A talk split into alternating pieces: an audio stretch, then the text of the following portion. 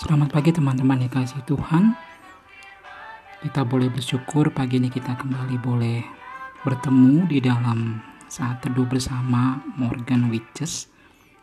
Dan pagi ini kita akan bersama-sama melanjutkan perenungan kita yang pagi ini terambil dari kitab Hakim-Hakim pasal yang ke-19 ayat yang pertama sampai yang ke-30 Kitab Hakim-Hakim pasal 19 ayat yang pertama sampai yang ke-30. Nah, teman-teman, tema yang pagi ini menjadi perenungan kita adalah hidup apa adanya, bukan ada apanya. Teman-teman, kalau melihat tema ini, sebenarnya hidup kita seperti apa? Atau ke depan kita mau seperti apa? Teman-teman, kalau teman-teman pernah menonton beberapa film yang ada di bioskop, mungkin teman-teman tidak asing dengan satu film yang tentunya menggambarkan tentang tokoh dari beberapa superhero yang sangat digemari oleh banyak orang. Kira-kira dari musik ini teman-teman bisa menebak kira-kira siapakah tokoh-tokoh dalam film ini.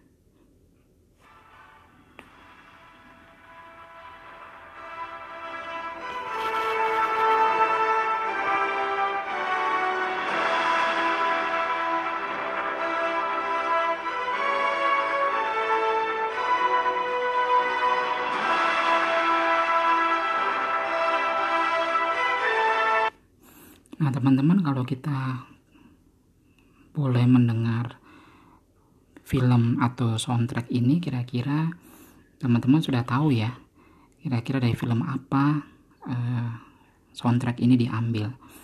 Nah, teman-teman, kalau kita bicara tentang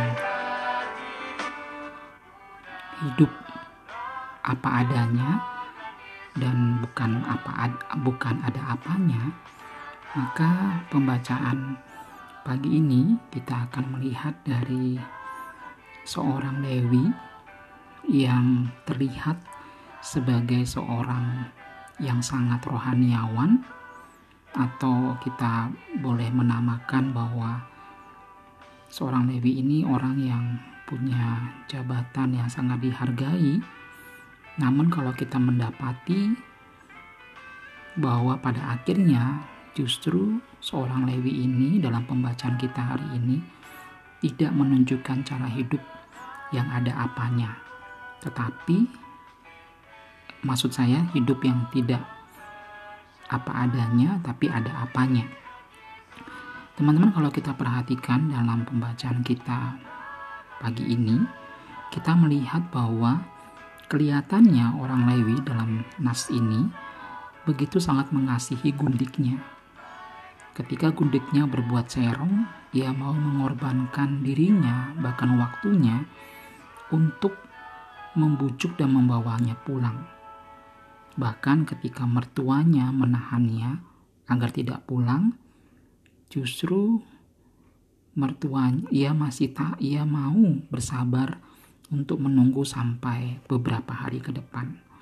Nah, teman-teman ini kasih Tuhan, saking sabarnya Orang kalau membaca sebagian dari teks ini menggambarkan tentang orang Lewi ini sebagai seorang tuan atau bisa dikatakan suami yang sangat baik, bahkan sabar dan setia terhadap kundiknya.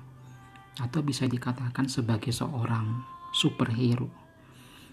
Nah, teman-teman dalam bagian ini kita melihat bahwa kepalawanan dari seorang Lewi ini akhirnya sirna ketika ia memasuki yang namanya daerah Gibea. Di sana ia bertemu dengan seorang yang sudah berusia tua yang mana orang ini mengajaknya menginap karena selama beberapa hari ia berada di sekitar daerah itu tidak ada seorang pun dari Israel yang datang bahkan berbicara kepada mereka dan bahkan mengajak mereka untuk menginap di rumah sesuai dengan budaya pada saat itu.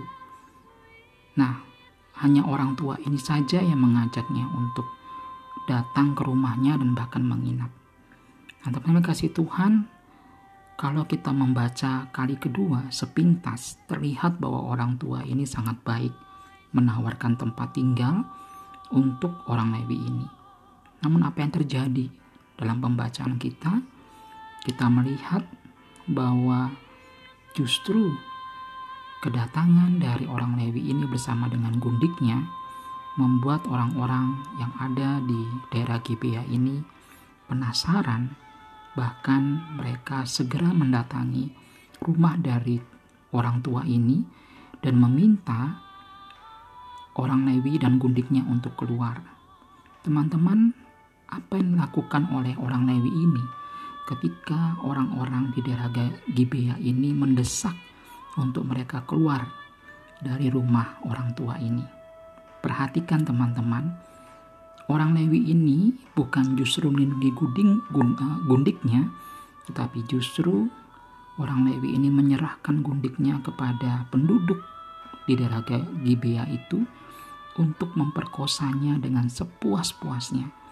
Sampai akhirnya esok harinya gundiknya pulang ke rumah orang tua ini dengan lemas dan bahkan dikatakan sudah tidak bernyawa lagi. Teman-teman kita bisa melihat dalam bagian ini. Di awal cerita, orang Lewi ini menggambarkan sebagai seorang yang terlihat seperti seorang pahlawan atau superhero, melindungi, memberikan rasa nyaman bagi gundiknya. Namun ketika dia dalam keadaan terdesak karena kondisi atau situasinya mengancam dirinya, ia berani dengan dengan rela memberikan gundiknya untuk diperkosa oleh banyak orang sampai tidak bernyawa. Teman-teman, sekali lagi dalam pembacaan kita di kitab Hakim-Hakim pasal 19 ini ayat yang pertama diingatkan begini. Dikatakan bahwa terjadilah pada zaman itu ketika tidak ada raja di Israel. Ini mengingatkan kita pada pembacaan dua hari yang lalu dalam kitab Hakim-Hakim pasal 17 ayat 6. Ketika orang Israel tidak ada seorang pemimpin, maka yang terjadi adalah mereka mengikuti apa yang mau atau yang merasa benar menurut mereka. Perenungan kita pada hari Kamis kemarin pun juga mengingatkan kita tentang paham pragmatisme yang mana kita diingatkan bahwa ketika tidak ada kebenaran yang mutlak maka semua orang merasa bahwa kebenaran dirinya lah yang paling benar. Teman-teman kembali dalam pembacaan kita hari ini kita mendapati bahwa Rasul bahwa sang seorang Lewi justru memberikan atau merelakan ngundiknya di saat dia terdesak. Dan ini boleh kita kembali diingatkan sesuai dengan perkataan Rasul Paulus dalam kitab Roma pasal yang ketiga ayat 10 sampai 11 bahwa kehidupan manusia begitu bobroknya jika tanpa Allah.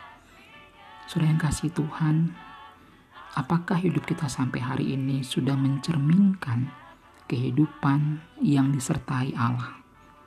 Atau justru hidup kita seperti orang Lewi ini yang seakan-akan tanpa Allah hanya ingin menjadi pahlawan tetapi pahlawan kesiangan Bahkan terkadang kita seperti ingin berperan sebagai juru selamat yang kecil atau juru selamat kesiangan tanpa kita tahu apa arti keselamatan dari Kristus itu bagi kita. Teman-teman, hari ini kita belajar bahwa kebenaran sering kali dipahami atau dimaknai oleh manusia secara subjektif dan relatif Bahkan orang kerap kali hanya melakukan apa yang benar menurut pandangannya sendiri, seperti orang Lewi ini melakukannya terhadap gundiknya. Saudara, sebagai orang percaya, kita harus menjadikan Allah dan firman-Nya sebagai standar kebenaran.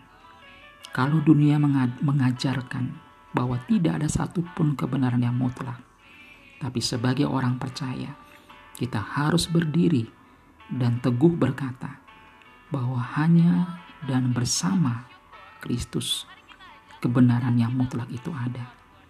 Ingatlah di dalam kitab Yohanes pasal 14 ayat 6, Yesus berkata, Akulah jalan dan kebenaran dan hidup. Tidak ada seorang pun yang dapat datang kepada Bapa jika tidak melalui aku. Itu kebenaran yang mutlak, yang tidak bisa disangsikan, bahkan diragukan kebenarannya.